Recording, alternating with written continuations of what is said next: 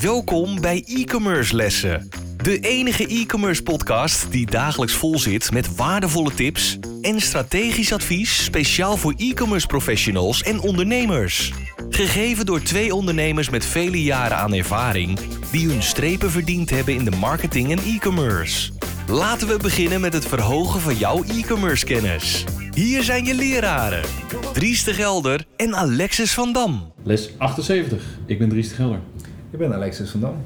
Vandaag gaan we het hebben over hoe stuur je op KPI's die bij deze tijd passen aan. Ja, nou ja, kijk, ehm, deze tijd, uh, toen even een beetje schetsend, we nemen het zo rond uh, februari 2022 op. Uh, wij, want dingen kunnen zomaar veranderen, dus vandaar dat ik even dat een beetje aangeef. Um, nou, er zijn natuurlijk een aantal dingen aan de gang in het, in het, in het land van de marketing. Um, heel veel ontwikkelingen. Uh, privacy is eentje die uh, een tijdje geleden is ingezet. Hè? De welbekende AVG of GDPR. Dat is eentje die uh, nou, sterk wordt aangezet. En waar je als bedrijf zeker nou ja, mee van doen hebt. En je nou, slim genoeg ook wel aan zou moeten houden. Dat is wel de verstandige lijn natuurlijk. Um, maar dat heeft wel een impact op, op marketing.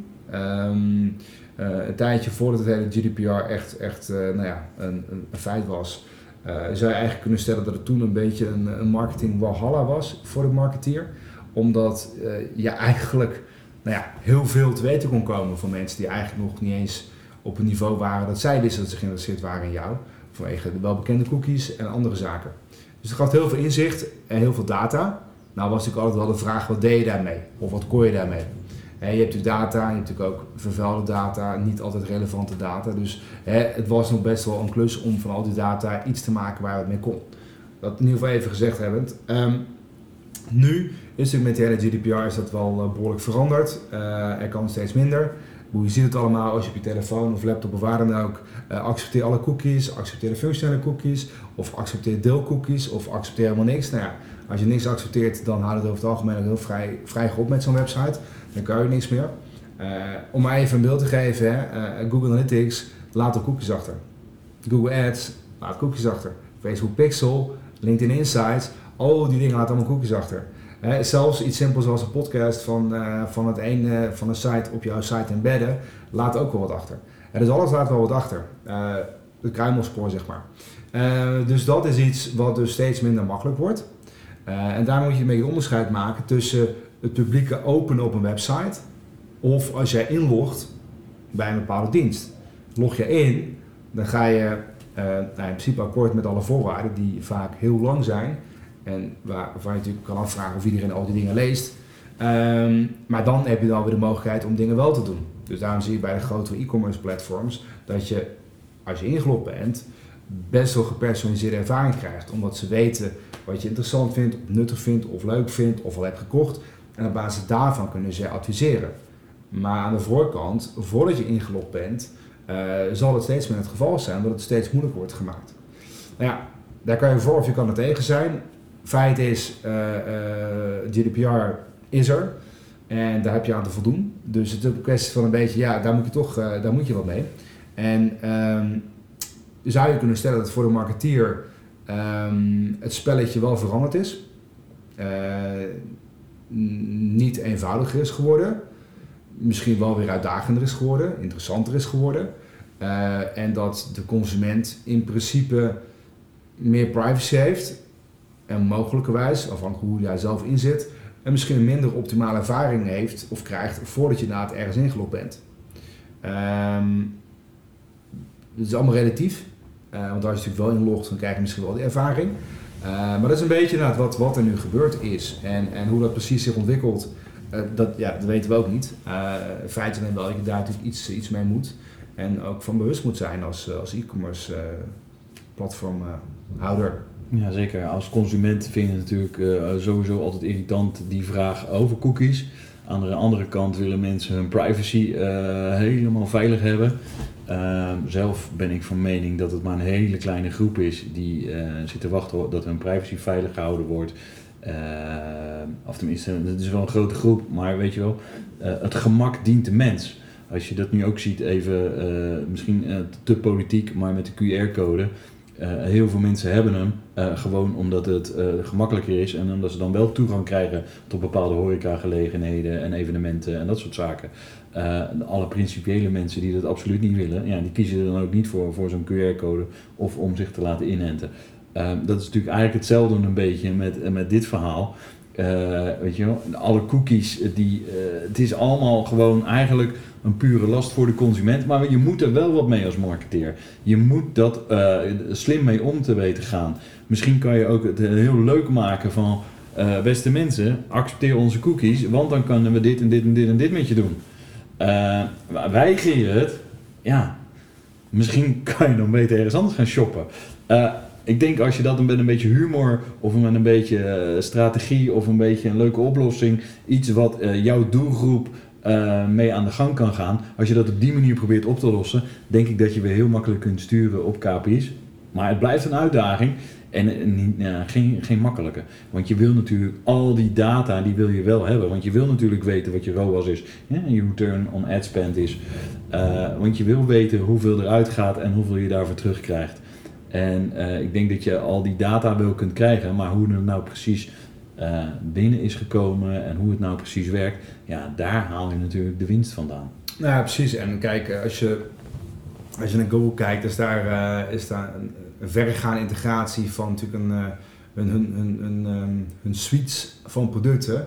Google Analytics, Google Search Console, Google Ads. Ehm, en dat is ook allemaal aan elkaar gelinkt en geïntegreerd. En dat, dat biedt eh, voor de marketeer eh, nou ja, heel veel dashboardjes waar heel veel knopjes waar je aan kan draaien om het zo ver mogelijk te optimaliseren. Alleen ja, door, door dus die GDPR is daar een beetje een, eh, een kinkje in de kabel gekomen. omdat je dan niet alles meer weet. En dus daar gaf ik ook een beetje aan dat de tijd daarvoor was eigenlijk ultiem. En nu is het, het, het verhaal iets anders geworden. En kijk, uiteindelijk denk ik ook eh, vanuit de, de ontvanger van marketing gedacht. ehm, is het misschien nu inderdaad wat, wat minder optimaal. Anderzijds zou natuurlijk ook redeneren. Misschien hebben we ook allemaal wel te veel marketing. Hè? Ik bedoel, eh, ik, ik zit er zelf in. Ik mag er ook eh, aankomende marketeers in, in uitdaging geven. Ehm, maar uiteindelijk denk ik ook dat waarom is marketing nuttig? Eh, omdat je bepaalde producten, diensten waar je misschien niet van op de hoogte bent, die mogelijkwijs voor wel interessant zijn, wel over het voetlicht kan brengen. En mensen denken, hey, dit zou voor mij toch een goede oplossing kunnen zijn voor een probleem wat ik ervaar. Dat is in essentie natuurlijk ook wel een beetje wat marketing is. En dat je daar dus vraag en aanbod op elkaar laat komen, dat is wat je doet. En dat allemaal via moderne technologische zaken kan, allemaal prachtig en mooi. Eh, en als dat niet meer kan, nou ja, misschien moeten dan ook eh, wij weer eens teruggaan naar de basis en kijken hoe het dan wel kan. En eh, dan is misschien toch zo'n nieuwsbrief nog niet zo'n eh, hele gekke gedachte. Want laten we wel wezen, ik weet niet daar eigenlijk nooit eens een keer een eh, goede podcast over gedaan hebben, maar misschien dat we nog eens een keertje weer doen. De nieuwsbrief in essentie, hoewel e-mail al een best een oud concept is, het is nog steeds enorm veel gebruikt, dat weet iedereen. En het werkt over het algemeen ook, omdat het wel gepersonaliseerd kan, omdat je daar toestemming op hebt gegeven. En dat is natuurlijk een beetje het ding met adverteren op Google en, en andere platformen en, en netwerken, dat eh, ja, omdat je inlogt, krijg je advertenties en er zijn dan in meer of mindere mate getarget. Ehm, maar dan gevraagd heb je niet. En een nieuwsbrief, daar vraag je om, omdat je dat interessant en leuk en nuttig vindt. Dus dat is misschien hè, de permission-based marketing, dat mensen toestemming geven om iets te krijgen, versus die krijgen het over je heen. Als je tv kijkt op, op, op, nou, op de, de televisiezenders, dan weet je, je krijgt ook reclames nu en dat hoort erbij. Anders komen die programma's niet.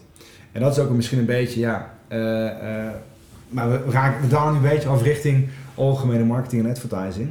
Ehm, maar ik denk wel dat het voor jou als ondernemer eh, belangrijk is om goed na te denken, wat is belangrijk voor je klanten en hoe kun je hem dan wel bereiken? Mocht inderdaad de advertentiekant via zaken lastig worden. Ja.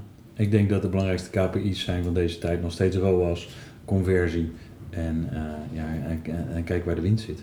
En misschien wel tevreden klanten. Ja, want kijk, eh, dat is, Reviews, ja. Reviews, dat is natuurlijk een KPI. Die kan hoeveel reviews heb je en wat is het gemiddelde cijfer ervan. Je hebt natuurlijk ook iets uit de netto promoter score. Eh, dat vind ik een beetje een lastige KPI, want daar is best wel iets op, eh, op, op te, van te vinden. Een netto promoter score gaat er eigenlijk vanuit je, als je 1 tot 10 cijfers geeft, dat je 9 en 10 is goed. En dan is eh 7 tot en, eh, volgens mij 6 tot en met 8 is dan neutraal en alles onder de 6 is dan negatief. Uh, en dat is dan via een berekening wordt het dan uh, losgelaten. Maar dat geeft dus eigenlijk aan als jij een 8 geeft, wat vanuit Nederlandse begrippen best wel een goed cijfer is, ben je in feite neutraal. En dat is een beetje, ja, dus als je heel veel 7's en 8 hebt, ben je eigenlijk neutraal. En als je dan een aantal klagers hebt, schiet je eigenlijk gewoon de negatieve kant van NPS. Terwijl in feite een 8 best wel goed is als bedrijf. Dus daar is een beetje, nou wil ik een kanttekening bij plaatsen bij NPS. De gedachte erachter is goed. Uh, maar de rekensom is misschien vanuit de Nederlandse cultuur wat, uh, wat, eentje die wat vertekend beeld geeft. Maar je zou ook kunnen zeggen, beveel jij ons aan anderen aan? En dat vind ik eigenlijk een hele korte, simpele vraag. Is dat ja? Nou, dan is het heel mooi. Is dat nee? Goed, waarom niet dan? En daarvan kan je leren. En als er eigen KPI's zijn die misschien relatief eenvoudig implementeerbaar is, ga daar eens op sturen. Want als namelijk één iemand positief is over jou, vertel je het aan allerlei vrienden en vrienden en familieleden. En zo krijg je ook meer business binnen. Dus dat zou misschien wel eens een KPI kunnen zijn die eigenlijk steeds weer belangrijker wordt. Zeker. Ik denk dat dat een hele belangrijke KPI is. Uh, ik hoop dat we zo uh, deze vraag beantwoord hebben van onze luisteraar. Uh, heel eerlijk gezegd vond ik hem best wel moeilijk om de, hem in te schieten op deze manier. Maar ik hoop dat we toch een beeld hebben kunnen geven. Succes met uh, hopelijk implementeren van die laatste KPI. Helemaal goed. Tot de volgende. Wij waarderen het enorm dat je weer naar een e-commerce les hebt geluisterd. Ga naar e-commercelessen.com voor nog meer interessante content over deze les en schrijf je in voor onze nieuwsbrief voor nog meer succes. Vergeet absoluut geen review te schrijven en je te abonneren op onze lessen. Einde les. E-commerce studenten, jullie kunnen de klas verlaten en vergeet de volgende lessen niet voor nog meer geweldige e-commerce resultaten.